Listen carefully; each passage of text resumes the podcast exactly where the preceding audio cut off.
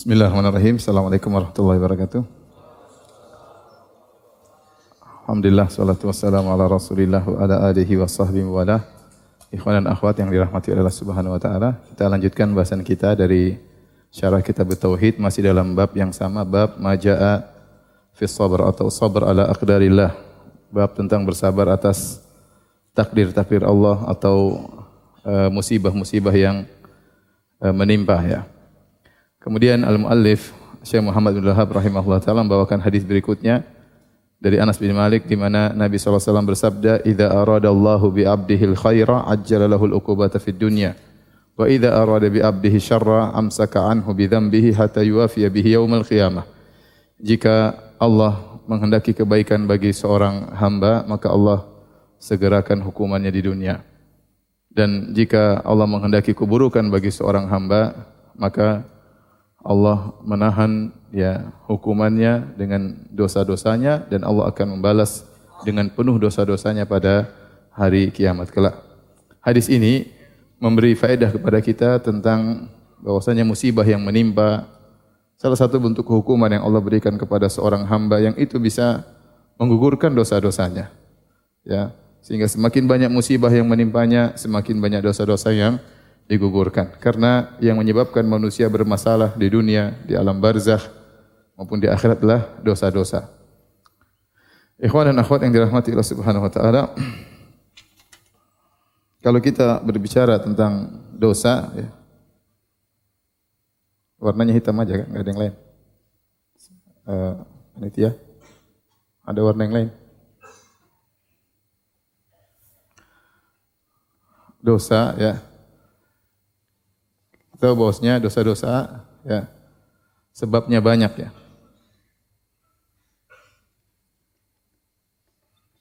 Sebab-sebabnya bisa karena dosa mata. Kemudian dosa lisan. Kemudian dosa badan ya. Kemudian dosa hati ya. Dan setiap hari kita tidak terlepas dari salah satu dari dosa-dosa ini. Oleh karenanya dalam hadis qudsi Allah mengatakan, "Ya ibadi, innakum tukhti'una bil-laili wan-nahar." Wahai hamba-hambaku, sungguhnya kalian berdosa ya setiap malam dan setiap siang ya. Siapa yang selamat sekarang di zaman sekarang dosa mata? Enggak ada yang selamat ya. Yang yang buka YouTube berarti dia berdosa. Enggak mungkin dia nonton YouTube syar'i kanan kirinya ya apalagi yang lagi trending dia pasti lihat wanita terbuka apa auratnya. Pasti ya. Yang nonton berita pasti juga nonton lihat wanita yang terbuka auratnya apalagi yang nonton bioskopnya. Ya dosa mata sudah tiap hari kita lakukan. Dosa lisan ya baik apa yang kita omongkan terhadap istri kita kadang kita berdosa Terkadang kita ngomong sama anak-anak kita, kita bikin dosa. Kita ngomong di grup terkadang bikin dosa, ya. Baik omongan maupun komentar semuanya mendatangkan apa? Dosa. Belum badan, apa yang kita pukul, apa yang kita langkahkan dari kita. Belum hati, hati kita siapa yang bersih, siapa yang hatinya selamat dari dengki, dari hasad, dari suudzon kepada orang lain, ya. Dari ya sombong, keangkuhan, ya dan banyak penyakit-penyakit hati yang menimpa ya. Kata Allah Subhanahu wa taala, "Ya'lamu kha'inatal a'yun wa ma tukhfi sudur." Allah Maha mengetahui pengkhianatan lirikan mata dan Allah Maha mengetahui apa yang tersembunyi dalam hati kita, apa yang kita sembunyikan baik hasad, dengki, ria, ujub semuanya Allah tahu. Jadi kita sadar bahwasanya tiap hari kita melakukan apa? Dosa ya. Lagi di zaman zaman now sekarang ini. Sumber-sumber dosa sangat sangat banyak dan kita mendatangi sumber-sumber dosa tersebut. Maka dosa-dosa tersebut kata Syekh Islam Taimiyah rahimahullah taala bisa dihilangkan oleh Allah Subhanahu wa taala sekitar dari 10 sebab dosa-dosa seorang hamba bisa dihapuskan oleh Allah Subhanahu wa taala. Namun bisa kita klasifikasikan penggugur dosa ya bisa kita klasifikasikan menjadi tiga. Yang pertama adalah dari sang hamba. Yang kedua dari selain selain dirinya.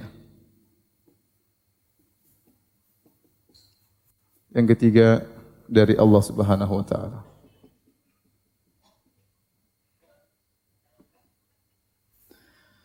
Adapun dosa-dosa bisa gugur dari seorang hamba, dari hamba sendiri. Bisa dia lakukan misalnya dengan bertobat. Kalau dia tidak bertobat, dia bisa istighfar. Istighfar dia bisa disebut dengan al-hasanatul mahiyah. Itu amal-amal soleh yang menggugurkan dosa-dosa.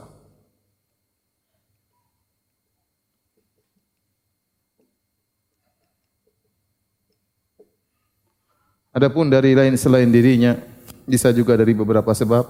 Contohnya doa kaum mukminin untuknya.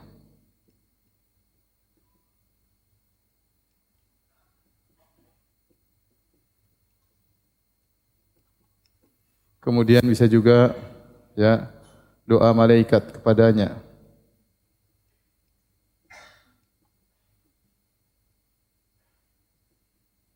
Bisa juga ya uh, pahala atau amal soleh amal soleh yang dikerjakan orang lain untuknya.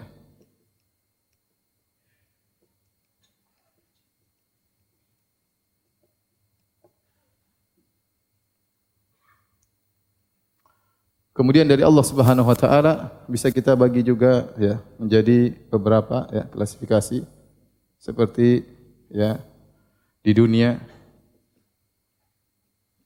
contohnya adalah musibah-musibah.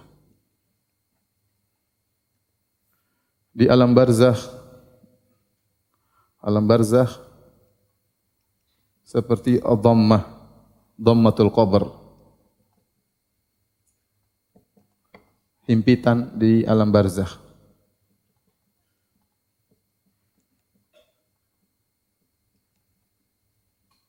Dan bisa juga azab kubur. Kemudian di akhirat seperti ahwal yaumal qiyamah. Dahsyatnya hari kiamat kata para ulama ini mengurangi dosa-dosa. Dan bisa jadi di atas sirat ya siksaan di atas sirat.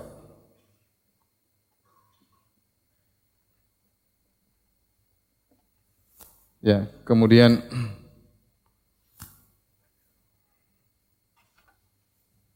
kemudian di antaranya ya yang paling spesial adalah ampunan Allah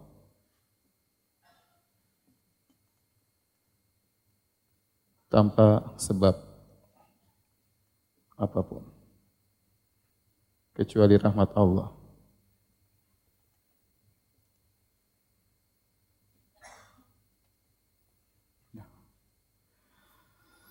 Ini di antara juga adalah syafaat Nabi.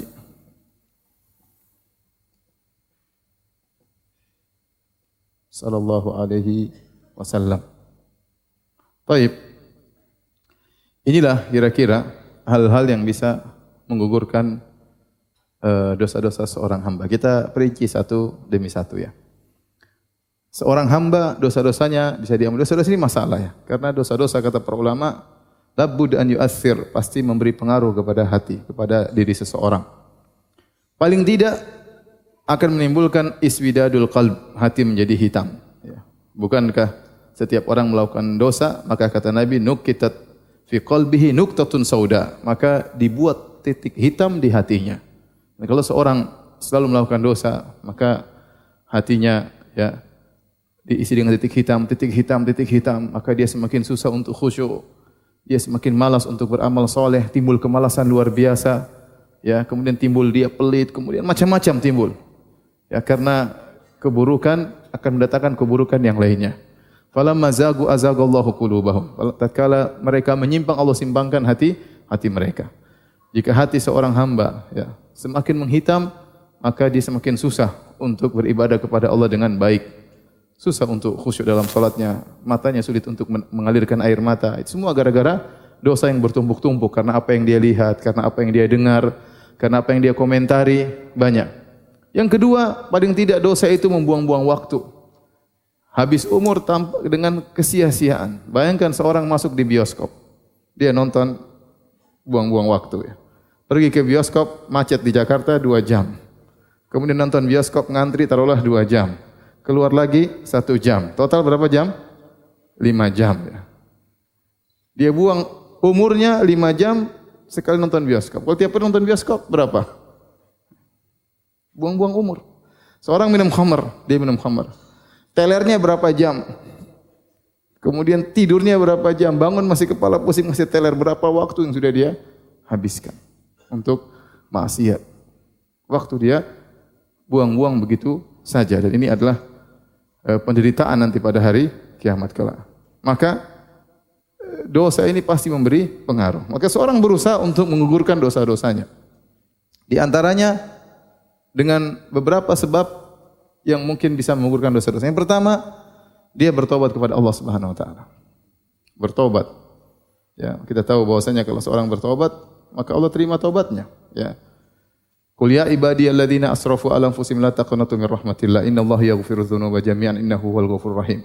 Kata Allah Subhanahu wa taala katakanlah ya, wahai hamba-hambaku yang tenggelam berlebih-lebihan dalam bermaksiat, janganlah kalian putus asa dari rahmat Allah. Sungguhnya Allah mengampuni seluruh dosa, sungguhnya Allah Maha Pengampun lagi, Maha Penyayang. Ini ayat yang sangat memberi harapan kepada para pelaku maksiat. Alam ya'lamu anna Allah yaqbalu taubatan ibadih. Tidakkah mereka tahu bahwasanya Allah menerima taubat dari hamba-hambanya? Dan di antara nama Allah adalah At-Tawwab, yang Maha menerima taubat. Kalau seorang enggan bertobat, maka dia berdoa kepada Allah Subhanahu wa taala, "Rabbi ghfirli wa tub alayya." Innaka anta tawwabur rahim. Ya Allah, ampunilah aku dan anugerahkanlah kepadaku taubat. Karena ada seorang dia tidak bisa bertobat. Dia mau bertobat masih ter apa namanya? masih ditawan oleh maksiat hawa nafsu yang dia lakukan sehingga dia tidak bisa bertobat, ya. Sehingga dia tidak bisa bertobat dengan berbagai macam alasan yang dia ungkapkan sehingga dia belum mau bertobat. Maka diminta kepada Allah agar menganugerahkan taubat kepadanya. Di antara doanya, wa tub alayya. Ya Allah, terimalah tobatku atau ya Allah anugerahkanlah kepadaku untuk bisa bertobat. Kalau orang bertobat dia ampuni dosa-dosanya. Istighfar, orang beristighfar juga dia ampuni dosa-dosanya. Ya, apa bedanya istighfar dengan tobat? Sudah pernah kita bahas istighfar tidak melazimkan tobat. Bisa jadi orang masih terus bermaksiat dan dia istighfar, tapi dia bermaksiat lagi dan dia istighfar. Kalau tobat dia tinggalkan maksiat apa? tersebut. Dia tinggalkan maksiat tersebut.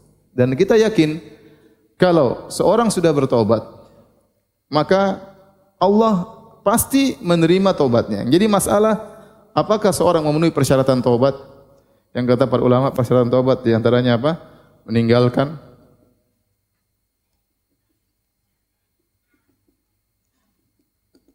meninggalkan maksiat tersebut, kemudian menyesali, nadam, bertekad tidak mengulangi. Saat kita meninggalkan, ya mungkin kita bertobat, tapi kita menyesali. Penyesalan kita benar-benar penyesalan, ataukah menyesal tidak sungguh-sungguh menyesal, ataukah dalam benak kita mau ulangi lagi, ya repot. Allah Maha tahu. Tapi kalau seandainya seorang memenuhi persyaratan ini, insya Allah diterima taubatnya. Ya. Makanya Ibnu Qayyim mengatakan, tidak boleh seorang meyakini dia pasti diterima taubatnya karena suatu yang gaib. Dia enggak tahu. Dia hanya bisa husnudzon kepada Allah Allah akan menerima taubatnya. Tetapi dia memastikan saya pasti diterima taubatnya, enggak ada yang tahu. Kenapa? Karena dia tidak bisa pastikan dia memenuhi persyaratan taubat. Enggak ada yang tahu. Ini perkara yang gaib. Yang tahu hanya Allah Subhanahu wa taala. Ya. Taib. Dia bertobat, dia beristighfar. Kalau dia bisa melakukan amalan-amalan yang bisa menghapuskan dosa-dosanya disebut al-hasanat al-mahiyah. Ya. Amalan kebajikan yang bisa menghapuskan dosa-dosanya juga penting. Seperti kata Nabi wasallam, ya, as-salawatul khams wa Ramadan ila Ramadan wal jumu'ah ila al jum'ah. Ya. mukaffaratun lima bainahunna ijtsunibal kabair. Salat lima waktu antara salat satu dengan yang lainnya, antara Jumat yang satu dengan Jumat yang lainnya, antara Ramadan yang satu dengan Ramadan yang lainnya akan menghapuskan dosa-dosa di antara keduanya jika dijauhi dosa-dosa besar. Maka orang melakukan amalan-amalan kebajikan, amalan kebajikan tersebut bisa saja menghapuskan dosa-dosa yang dia lakukan. Ini sangat penting. Dan banyak hadis-hadis menunjukkan amal-amal soleh bisa menghapuskan dosa-dosa. Ya. Makanya Allah mengatakan, Innal hasanati yudhibna sayyiat. Sungguhnya kebaikan-kebaikan akan menghilangkan dosa-dosa. Kata Allah, wa aqimis salata tarafain nahari wa zulafam minal lail. Innal hasanati yudhibna sayyiat. Dirikanlah salat ya di pagi hari, petang hari dan di malam hari sungguhnya kebaikan-kebaikan akan menghapuskan dosa-dosa. Umrah al-umrah ilal umrah kafaratu lima bainahum. Antara umrah yang satu dan umrah yang lain akan menghapuskan dosa-dosa di antara keduanya. Ya, Ramadan satu dan Ramadan yang lain akan menghapuskan dosa-dosa di antara keduanya, ya.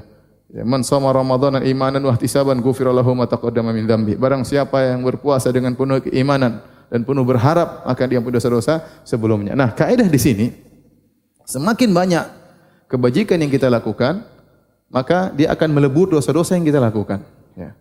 Makanya kata Nabi SAW, wa atbi sayyi'atal hasanata tamhuha. Kalau kau melakukan maksiat, segera lakukan kebajikan-kebajikan. Niscaya kebajikan tersebut akan menghapuskan dosa yang kau lakukan. Ya. Kita punya kaidah kata uh, sebagian ulama, dosa-dosa itu ibarat najis dan amal soleh ibarat air yang menghilangkan najis tersebut.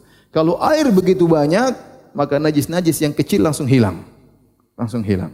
Idza balagal ma'u kullataini lam yahmilil khabath. Kalau air sudah mencapai dua kullah, sudah sangat banyak, maka ada najis-najis kecil tidak berpengaruh. Maka seorang dalam kehidupan dunia berusaha melakukan kebajikan yang banyak, berbakti kepada orang tua, salat malam, baca Quran, sedekah. Sehingga kalau dia melakukan maksiat-maksiat kecil-kecil-kecil, Allah tidak anggap. Kenapa? Karena dia punya lautan apa? Kebajikan. Ya. Mumpung kita masih hidup, masih bisa kita beramal soleh. Ya, masih bisa kita berzikir, masih bisa bisa baca Al-Qur'an, masih bisa kita sholat malam, masih bisa berbakti kepada orang tua.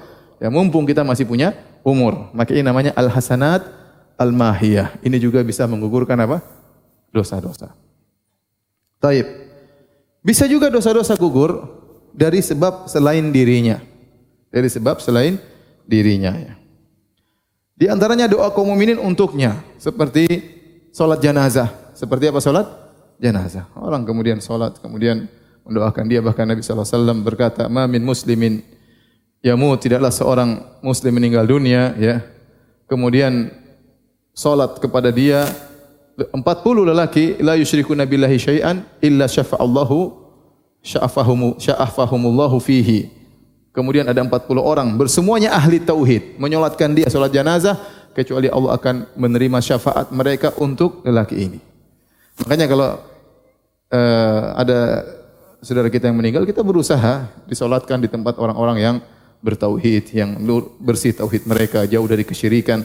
Karena kalau ada 40 orang yang ahli tauhid, yang tidak berbuat syirik sama sekali, hati mereka benar-benar murni, ya maka syafaat mereka akan diterima untuk mayat tersebut. Ya. Jadi demikian juga kita dianjurkan untuk berziarah kubur. Tatkala kita ziarah kubur kita mendoakan mereka. Ya, nas'alullaha lana wa lakumul afiyah. Kami mohon kepada Allah untuk kami dan untuk kalian wahai para penghuni kubur keselamatan. Doa-doa itu bermanfaat. Kemudian juga sering kita berdoa Allah maghfiril muslimina wal muslimat wal mu'minina wal mu'minat minhum wal amwat. Ya Allah ampunilah orang-orang beriman laki-laki maupun perempuan yang hidup maupun sudah meninggal dunia. Jadi doa bermanfaat. Dosa-dosa bisa digugurkan gara-gara apa?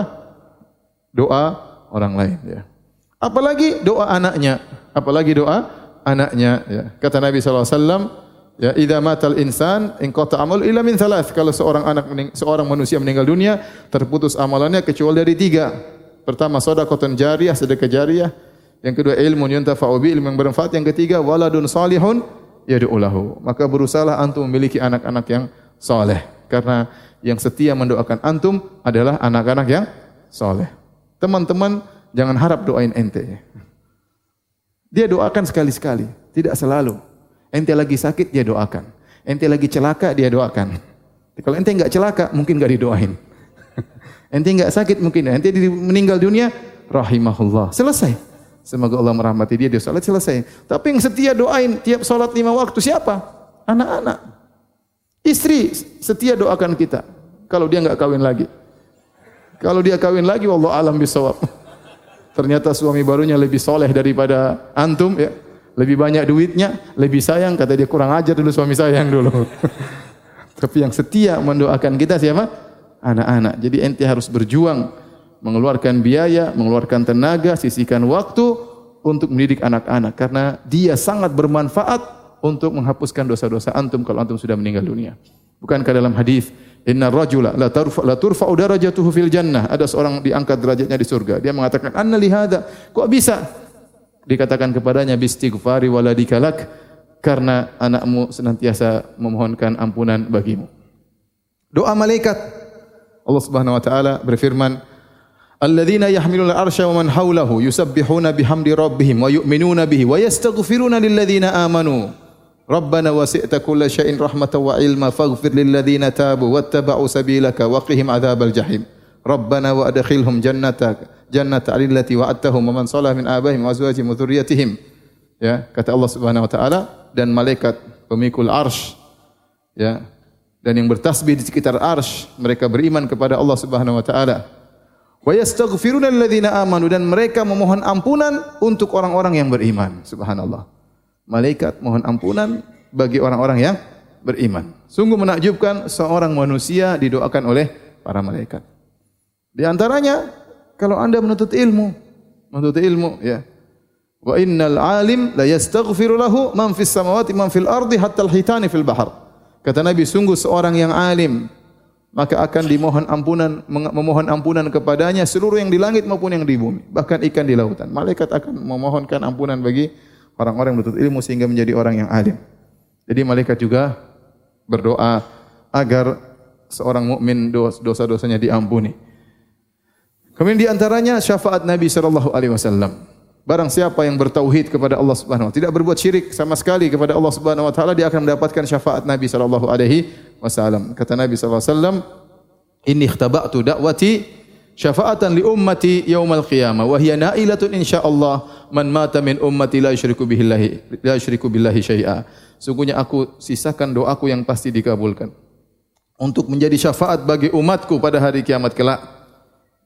Dan dia akan mencakup syafaatku ini akan mengenai seluruh umatku yang meninggal dalam kondisi tidak berbuat kepada syirik kepada Allah sama sama sekali. Kalau Anda ingin mendapatkan syafaat Nabi agar diampuni dosa-dosa, maka jangan berbuat kesyirikan. Bersihkan kesyirikan sekecil apa pun, bersihkan dari hati Anda, ya. Syirik amalan hati. Tahu banyak syirik terhinggap dalam hati seseorang. Bahkan seorang sudah belajar tauhid masih ada syirik dalam hatinya. Bisa jadi dia riak, bisa jadi dia ujub. Meskipun dia sudah belajar tauhid, meskipun dia sudah hatam kitab tauhid, meskipun dia hafal Al-Qur'an, meskipun dia hafal kitab tauhid, bisa jadi hatinya tetap terjangkiti hat, apa kesyirikan, ujub maupun apa? Ria. Maka kalau ingin mendapat syafaat Nabi SAW, maka berusaha meninggal jangan berbuat syirik sama sekali kepada Allah Subhanahu wa taala. Kata Nabi syafaati li ummati min ahlil kabair. Sungguhnya syafaatku bagi umatku pelaku dosa-dosa besar. Kemudian amal soleh yang dikerjakan orang lain bisa mengugurkan dosa-dosanya. Seperti ternyata antum punya anak yang soleh, antum punya teman-teman yang baik, tahu-tahu dia ingat antum, oh dulu dia baik sama saya. Ini saya bersedekah, pahalanya untuk dia. Maka itu dengan ijma ulama sampai. Ijma ulama sampai. Yang khilaf Al-Quran, apakah sampai atau tidak, maka khilaf di kalangan para ulama. Tapi tiga perkara yang disepakati oleh para ulama. Yaitu mendoakan orang yang sudah meninggal dunia, kemudian sedekah, kemudian menghajikan dan mengumrohkan. Antum punya anak soleh, ternyata dia punya duit, dia umrohkan atas nama antum, dia hajikan atas nama antum. Atau kemudian dia bangun masjid, pahalanya untuk antum. Ya ini luar biasa. Ya. Atau orang lain enggak mesti anak antum siapa pun kalau berbuat baik kemudian pahalanya untuk antum maka uh, maka berpahala di sisi Allah Subhanahu wa taala. Saya masih ingat ada seorang pendeta yang masuk Islam gara-gara membaca tulisan Syekh Abdul Razak hafizahullah taala. Kemudian dia tulis surat kepada Syekh Abdul Razak. Surat tersebut kemudian saya terjemahkan bahasa Arab dari pedalaman Kalimantan. Kemudian saya kirim ke Syekh dan tulisan tersebut sekarang sudah dicetak dalam bahasa Arab ya. Uh, begitu sampai di salah seorang donatur di Madinah ya, maka dia pun menghajikan pendeta ini yang meninggal mungkin belum umroh juga, apalagi apa? Haji. Tapi dia bilang ini pendeta meninggal dunia belum sempat banyak beramal soleh, maka dia pun menghajikan untuk pendeta pendeta tersebut. Bukan bapaknya, bukan anaknya, bukan kawannya, bukan siapa-siapa. Tiba-tiba ada orang di Madinah, orang kaya raya ya, yang punya hotel sofa. Antum pernah tidur di situ? Miskin nanti, enggak, enggak pernah tidur di situ. Kemudian dia hajikan pendeta tersebut yang meninggal dunia. Subhanallah. Saya dikabarkan langsung oleh Syekh Abdul Razak.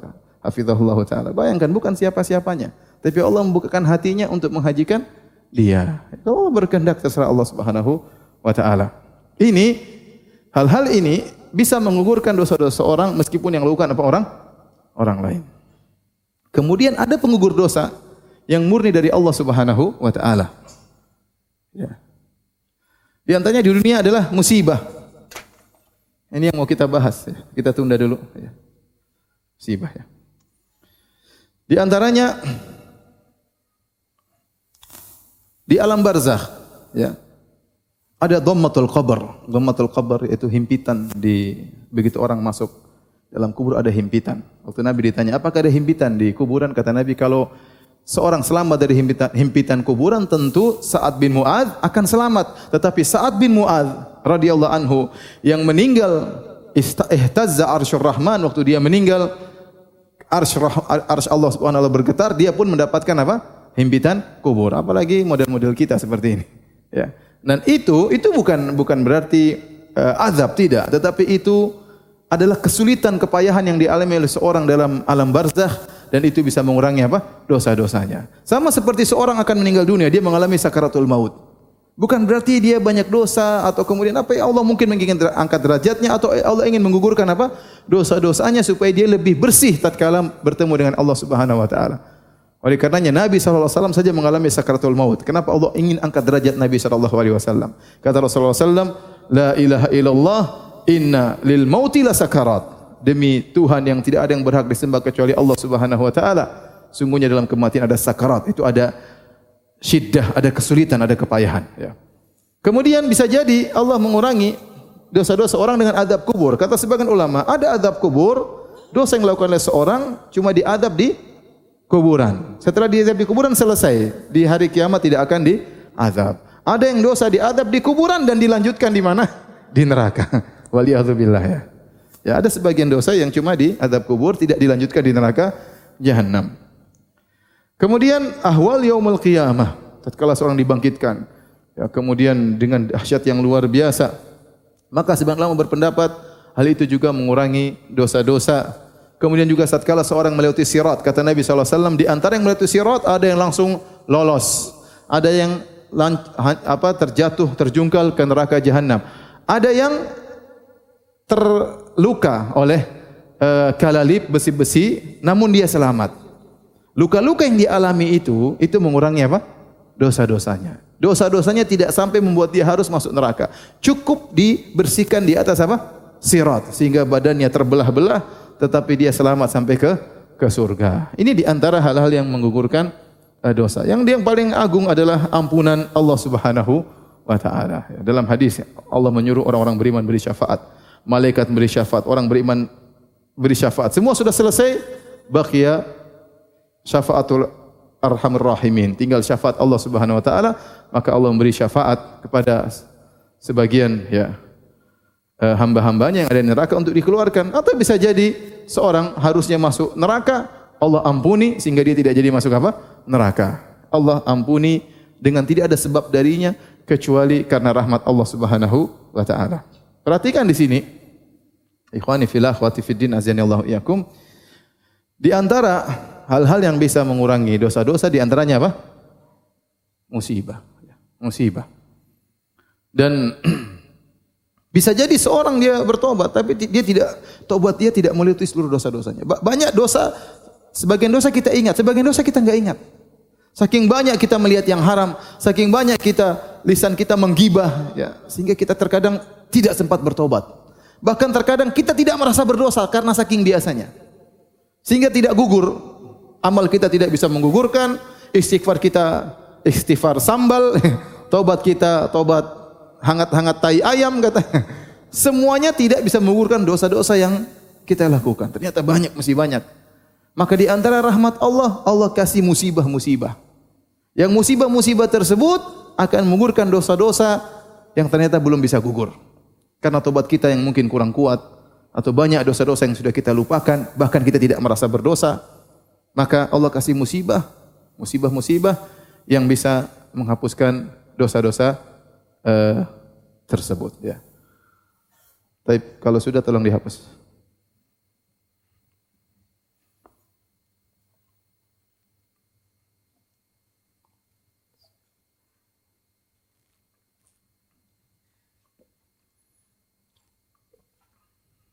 Sebentar, sebentar, sebentar. Untung foto yang cepat, foto aja lama.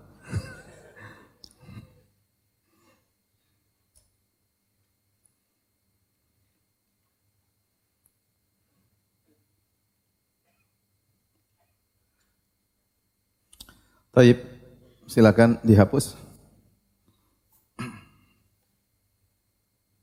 Sudah, hapus.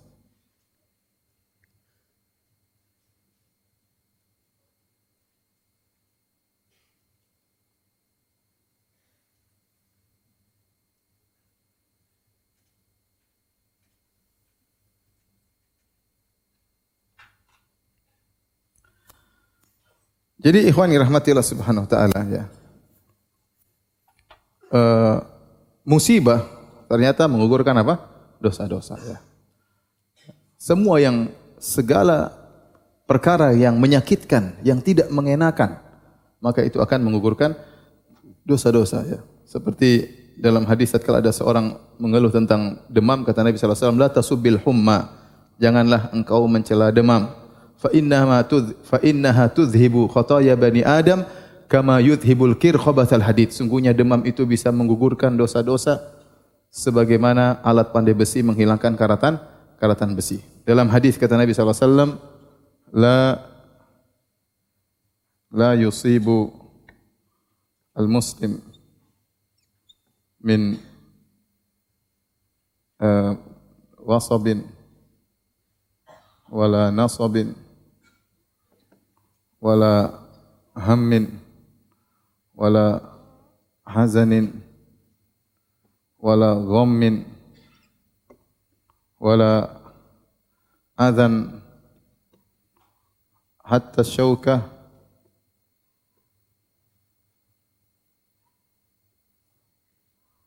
yushakuha illa kaffarallahu bihi khotoyahu. Jadi kata Nabi SAW dalam hadisnya tidaklah menimpa muslim.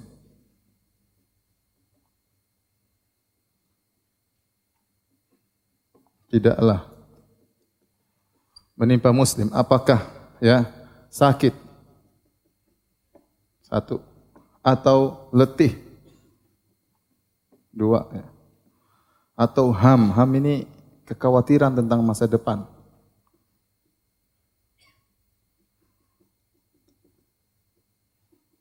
Tentang hari kemudian. Berapa ini? Tiga. Wala hazanin. Hazan adalah kesedihan tentang masa lalu.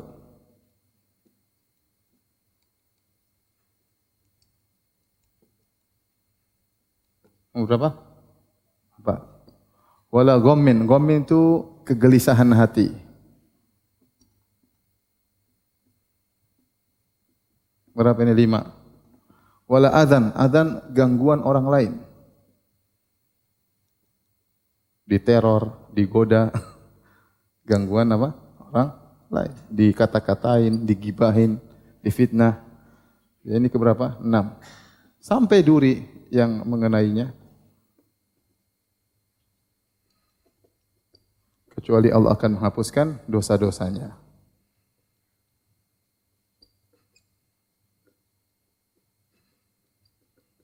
Ini contoh beberapa bentuk-bentuk musibah yang dialami oleh seorang di antara bentuk Allah menghendaki kebaikan baginya. Ya. Kata Nabi SAW dalam hadis yang lain, Man yuridillahu bihi khairan yusib minhu. Barang siapa yang Allah ingin kebaikan baginya, Allah kenakan musibah baginya. Allah kenakan musibah baginya, ya. Ya makanya orang yang paling banyak musibahnya orang-orang soleh, para ambia dan yang lainnya. Kata Nabi, tidaklah seorang muslim ditimpa dengan sakit, sakit apa pun, pilek ya, kemudian panas ya, kemudian apalagi penyakit-penyakit yang besar, penyakit-penyakit yang yang besar. Oleh karena kita dapati sebagian ulama terkena penyakit yang keras seperti sebagian ulama terkena penyakit kanker di masa tuanya. Ya tidak lain untuk benar-benar menghapuskan apa? Dosa-dosanya. Nabi SAW terkena penyakit ya, diracun pada tahun 7 Hijriah, kemudian baru terasa tahun 11 Hijriah. Ya, dan itu selalu sesekali menyerang Nabi SAW sampai puncaknya sebelum beliau meninggal dunia. Ya. Seperti banyak ya. Hasan al Hasan Hasan bin Ali radhiyallahu anhu diracuni dan banyak ya para sahabat yang sakit bahkan terkena kecelakaan dan yang lainnya. Kemudian nasab bahkan keletihan, letih dalam bekerja, letih dalam berusaha, letih mengurus anak istri ya, letih dalam mengurus sesuatu, semua keletihan, keringat yang keluar, kepayahan, keletihan, capek mikir semuanya. Maka mengurangi apa? dosa-dosa.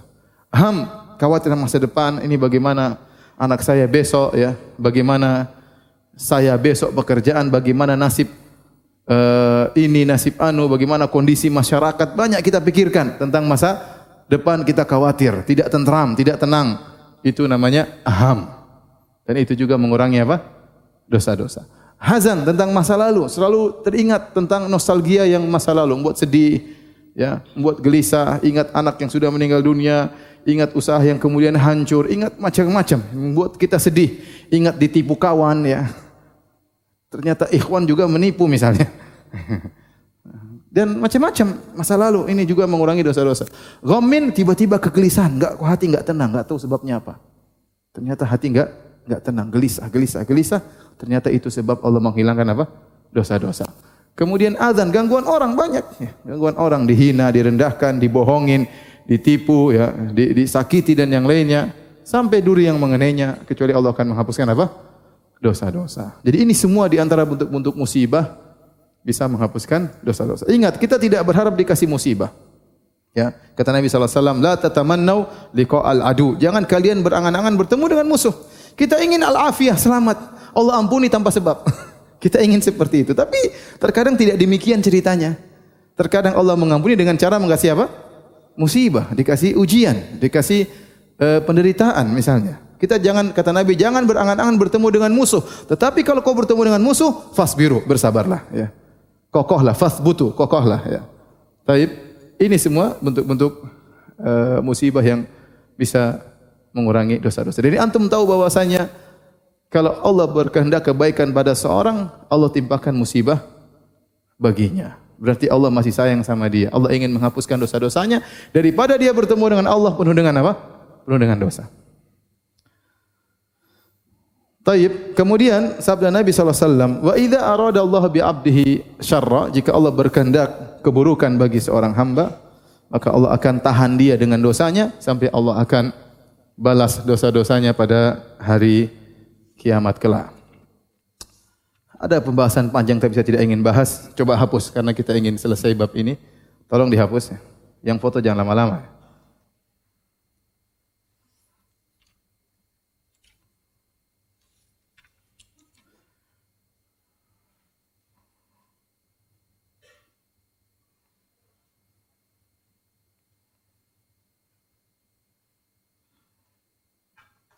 Kita masuk hadis berikutnya, hadis terakhir dalam bab ini.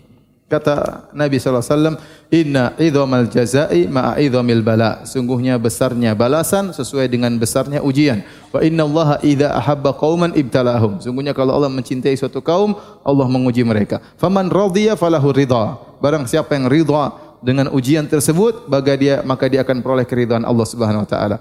Kemudian wa man sakhita falahu as-sakhtu, maka barang siapa yang murka atau marah dengan ujian tersebut, bagi dia kemarahan Allah Subhanahu wa taala. Ini hadis tiga potong ya. Pertama, kata Nabi sallallahu alaihi wasallam potongan pertama, inna idhamil jaza ma'a idhamil bala. Kata Nabi sallallahu alaihi wasallam, sesungguhnya ya Ana ini nulis begini supaya siapa tahu antum tahu bahasa Arab ya. Kalau nggak tahu juga ya sudah musibah. Sungguhnya besarnya. Satu-satu ya. Besarnya pahala berbanding lurus atau sama dengan sama dengan besarnya ujian. Oleh karenanya orang yang semakin tinggi imannya, semakin berat ujiannya. Waktu Nabi SAW ditanya, Man asyadun nasi balaan? Siapa orang yang paling berat ujiannya? Kata Nabi SAW, Al-Anbiya, para Nabi. Thumma man? Thumma as-salihun. Kemudian orang-orang soleh. Thumma man? Kemudian siapa? Thumma amthal fal amthal. Kemudian yang semakin soleh, semakin soleh. Kemudian kata Nabi SAW, Yubtala rajulu ala qadri imanihi. Seorang diuji dengan berdasarkan keimanannya. In kana fi imanihi salabatun zida fi balaihi. Kalau ternyata diuji imannya kokoh, Allah tambah ujiannya. In kana fi imanihi riqatun khufifa anhu. Kalau ternyata imannya lemah, Allah kurangi ujiannya. Iya kata orang semakin pohon terbang eh, semakin pohon tinggi semakin diterpa dengan angin yang semakin apa? besar ya. Maka kalau Anda beriman, maka siap-siap untuk diuji. Tidak mungkin Anda enggak diuji, pasti diuji ya. Pasti di diuji. Nah, apakah musibah itu sendiri merupakan pahala? Ya, timbul pertanyaan. Ya. Apakah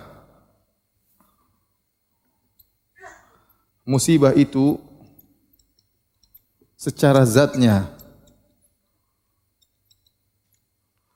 merupakan pahala atau penggugur dosa? Ya. Artinya kalau orang terkena musibah pasti dapat pahala. Orang terkena musibah pasti digugur dosa-dosanya. Apakah demikian? Maka Ibn Taimiyah rahimahullah taala dalam Majmu' Fatawa jilid 10 di, dikokohkan oleh Ibnu Qayyim dalam kitabnya Miftah dari Sa'adah jilid 1 mereka menjelaskan bahwasanya musibah itu ada dua ya. Jawabannya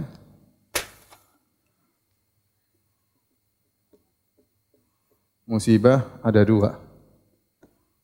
Yang pertama, musibah yang timbul karena amal soleh seorang hamba.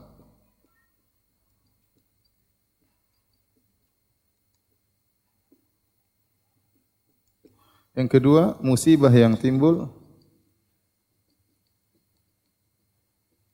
bukan karena peran seorang hamba.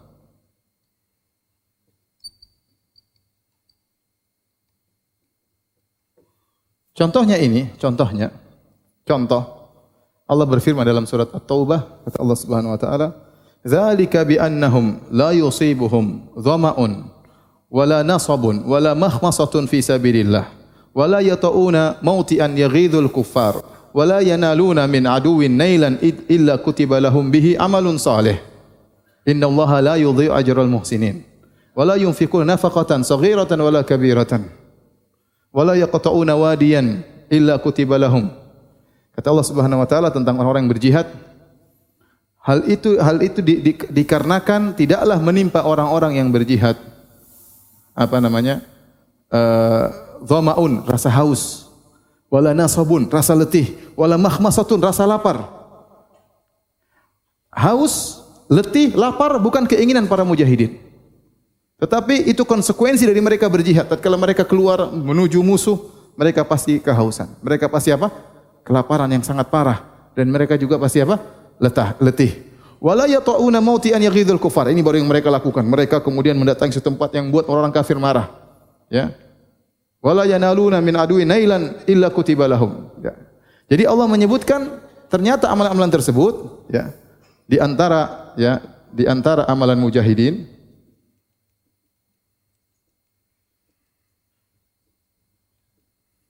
Mujahid yang Allah sebutkan dalam surat surat Taubah tersebut di antaranya mereka berinfak misalnya di antaranya mereka berjalan berjalan melewati lembah-lembah wala yaqta'una wadiyan melewati lembah-lembah ya di antaranya masuk ke medan pertempuran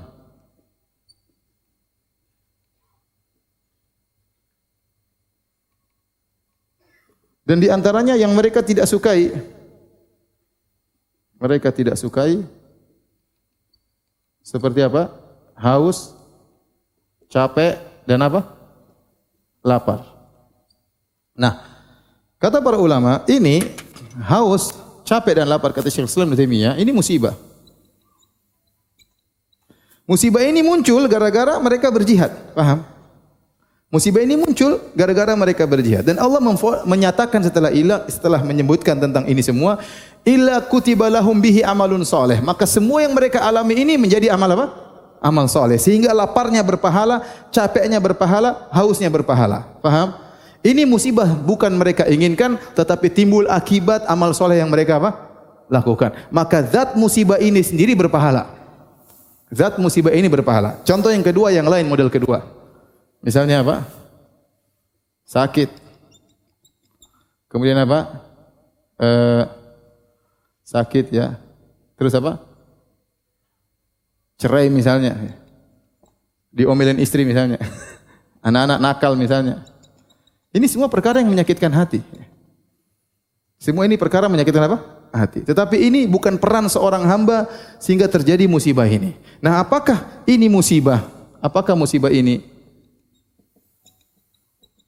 berpahala secara zatnya?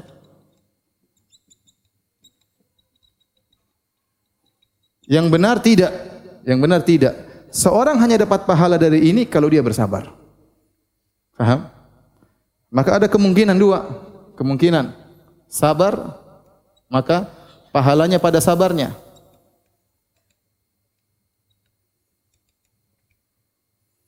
Tidak bersabar, Bahkan apa? Dosa. Musibah tersebut tidak menjadi pahala baginya.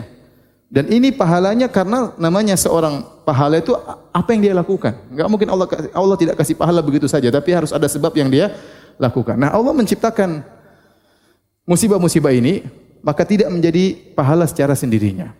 Tetapi pahalanya ditinjau dari bagaimana sikap dia terhadap menghadapi apa? Musibah ini. Paham? Maka orang terkena musibah bukan berarti dosanya langsung diampuni, enggak. Lihat bagaimana dia. Beda dengan musibah yang dia alami gara-gara dia beramal soleh. Contohnya, para sahabat yang berhijrah meninggalkan kota Mekah di tengah jalan, kemudian kepayahan, lampu kuning dihadang oleh orang kafir. Semua yang dia alami itu apa? Berpahala. Karena itu musibah timbul gara-gara amal soleh yang dia lakukan. Faham? Contohnya seorang berdakwah, kemudian terkali berdakwah, kemudian dia dilempari, kemudian dimaki-maki, dihina maka semua yang dialami berpahala karena musibah itu muncul akibat dia beramal apa? Soleh. Paham? Bisa dibedakan ya? Nah kalau ini tidak sakit, pulang-pulang ketemu anak, pulang-pulang diomelin istri, pulang-pulang uang dicuri, ya ini semua tidak menjadi pahala secara otomatis. Tetapi menjadi pahala tatkala bagaimana sikap orang menghadapi apa? Musibah tersebut. Ente bisa paham tidak? Saya ragu-ragu ya. Paham tidak? Hah? Paham? Siapa yang bisa jelaskan?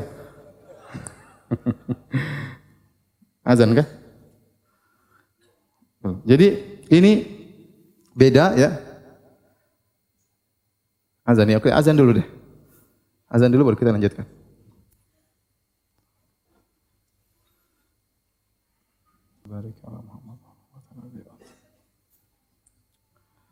Baik, kita lanjutkan.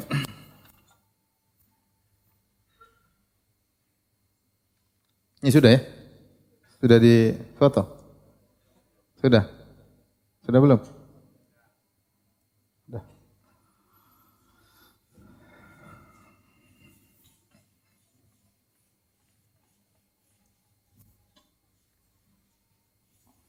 Kata Nabi SAW selanjutnya, Wa inna Allah idha ahabba qawman ibtalahum. Sungguhnya kalau Allah sudah mencintai seorang ham, sebuah kaum, Allah menguji mereka. Faman radhiya falahu ridha, Wa man sakhita falahu sukhtu. Barang siapa yang ridha dengan ujian tersebut maka keridhaan Allah baginya dan barang siapa yang marah maka kemarahan Allah baginya. Ya. Sikap manusia terhadap musibah. Kita bicara tentang seorang mukmin. Kemudian bicara tentang seorang pendosa ya. seorang fasik. Kita bicara tentang apa? Seorang kafir. Lihat seorang mukmin, tatkala dia terkena musibah, apa yang dia alami? Banyak kenikmatan yang dia rasakan. Pertama, ya, dengan musibah tersebut ya, tentu dia bersabar ya. Sikapnya adalah dia bersabar dan ridho. Maka apa hasilnya? Dosa-dosanya diampuni.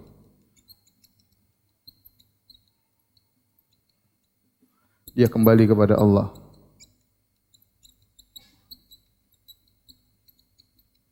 Kesombongan hilang darinya. Tadinya mungkin dia sombong, tatkala dikasih musibah, dia tahu bahwasanya tempat kembali hanya kepada Allah ya. Hinanya manusia di hadapan dia. Hanya Allah tempat kembali.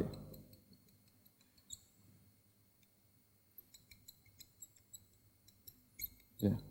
Hatinya menjadi istiqanah kembali kepada Allah Subhanahu wa taala. Kemudian hilang ujub darinya.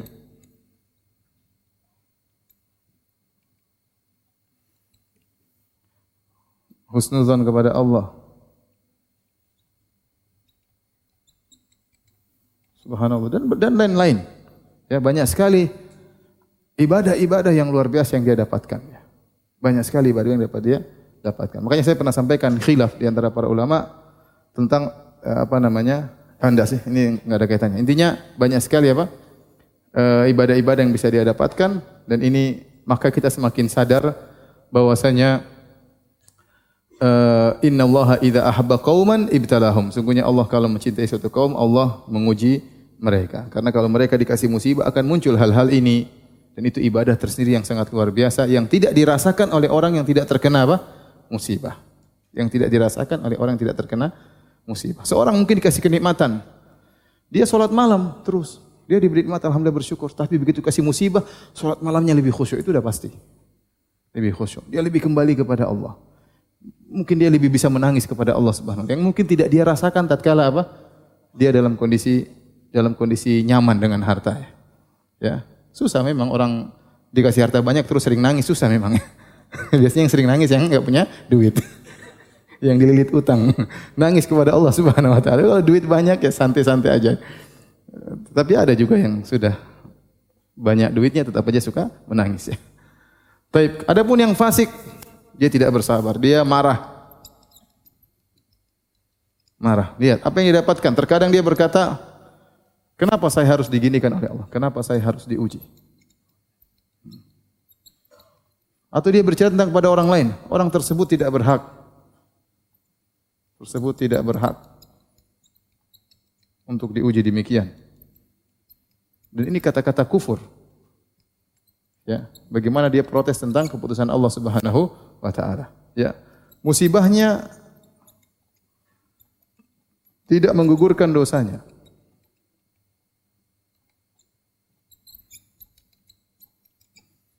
Kemudian apa lagi?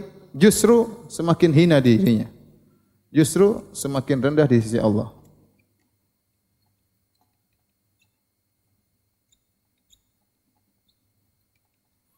Kadang dia merobek ininya, bajunya dan macam-macamnya. Ini orang fasik ya.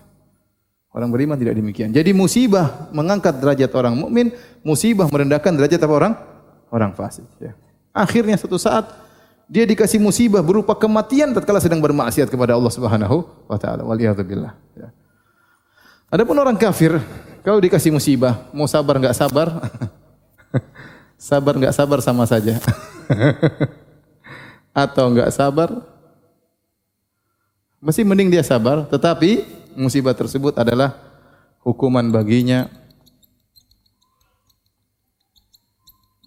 di dunia sebelum di akhirat. Kata Allah Subhanahu wa taala, "Hum adzabun fid dunya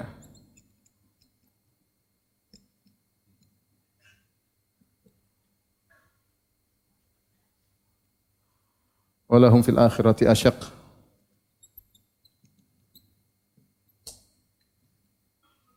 Wa ma lahum minallahi miwaq dalam surat Ar-Ra'd. Bagi mereka adab di dunia kemudian di akhirat juga ada adab yang lebih berat ya, di dunia mukaddimah ya. Di akhirat lebih lebih berat. Kenapa? Orang kafir dia dosanya banyak. Dia syirik, dia berdosa. Semua kewajiban yang diwajibkan kepada kita, ingat, semua kewajiban yang diwajibkan kepada kita tidak dikerjakan oleh orang kafir, dia dihitung dosa bagi mereka. Makanya waktu ditanya kepada penghuni neraka jahanam, "Masalah kakum fi saqar?" Apa yang buat kalian masuk neraka jahanam? Kata mereka, "Qalu lam nakum minal musallin." Kami dulu tidak salat. Padahal mereka memang kafir. Jadi orang kafir yang tidak salat setiap dosa meninggalkan satu salat mereka akan tanggung pada hari kiamat. Walam nakunu tu'imul miskin. Kami dulu tidak beri makan kepada fakir miskin. Juga semua kewajiban yang diwajibkan kepada kita, kalau kita enggak kerjakan kita berdosa. Mereka jelas tidak kerjakan. Maka semua mereka tanggung apa? Dosa. Pertama ini paham. Yang kedua, semua keharaman yang mereka lakukan, minum khamar, zina, berdusta, syirik kepada Allah, kufur kepada Allah ya. Dan macam-macam kemaksiatan yang mereka lakukan, mereka habis-habiskan umur mereka untuk bermaksiat, semuanya dosa akan dibalas oleh pada hari kiamat. Ya. Waliyadzubillah ya. Ini di antara bentuk dosa-dosa yang harus mereka mereka tanggung ya. Jadi kemudian seluruh kenikmatan yang mereka rasakan makan, minum, badan gagah ya. Kemudian punya istri, punya anak, kenikmatan semuanya akan diminta pertanggungjawaban. Semuanya menjadi dosa bagi bagi mereka. Ya, karena mereka tidak bersyukur kepada Allah Subhanahu wa taala. Tsumma latus'aluna yauma idzin 'anil na'im. Kemudian kalian semua akan ditanya tentang kenikmatan yang kalian rasakan, termasuk orang-orang kafir. Semua kenikmatan yang dia rasakan akan menjadi azab bagi baginya. Makanya di dunia kalau dia dapat azab, maka itu cuma mukaddimah, paham? Di akhirat lebih lebih parah. Kecuali kemudian dia mau mencari kebenaran, dapat hidayah, kemudian dia masuk Islam, maka semuanya akan berubah menjadi kebaikan. Allah taala alam bisawab. Uh, demikian saja kajian kita. Tidak ada tanya jawab, insya Allah uh, minggu depan tunggu kabar ya. Bisa jadi libur, bisa jadi ada pengajian nanti tunggu pengumuman. Allah taala bisawab. Subhanakallah bihamdik. Syadu alla ilaha illa anta astaghfiruka wa atubu. Assalamualaikum warahmatullahi wabarakatuh.